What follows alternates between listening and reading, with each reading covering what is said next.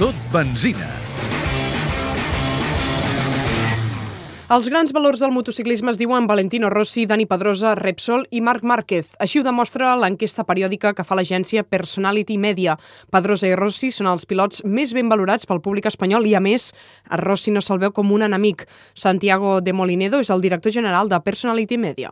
Pedrosa está, en cuanto a conocimiento se refiere, está igualado con, con Valentino Rossi.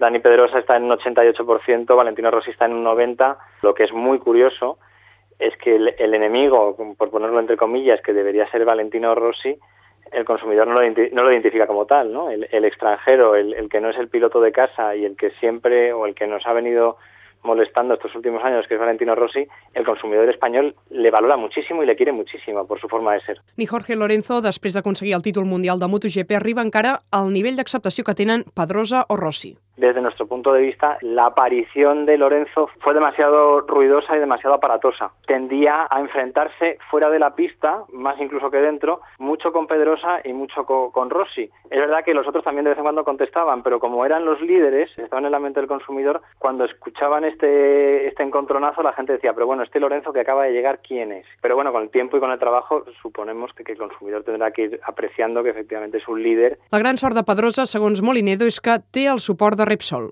que eso le falta a Lorenzo. Pedrosa ha tenido la suerte de que Repsol, que es líder absoluto y consistente en el mercado, siempre se apoya en su imagen para hacer creatividades de liderazgo. Una sort que també té Marc Márquez, que és el valor ascendent més sòlid estos éxitos y repitiéndolos y ir repitiéndolos de una manera sana desde el fair play. Marc Márquez, si cuida mucho su imagen en ese sentido, puede ser un potencial, pero muy serio, muy serio para de cara a futuro estar a l'altura de Pedrosa i per encima. Segons les dades de l'enquesta de Personality Media, Marc Márquez només és conegut pel 42% dels encastats, quan, per exemple, Rossi o Pedrosa són en nivells del 90%, Lorenzo el 84% i Toni Elias el 60%.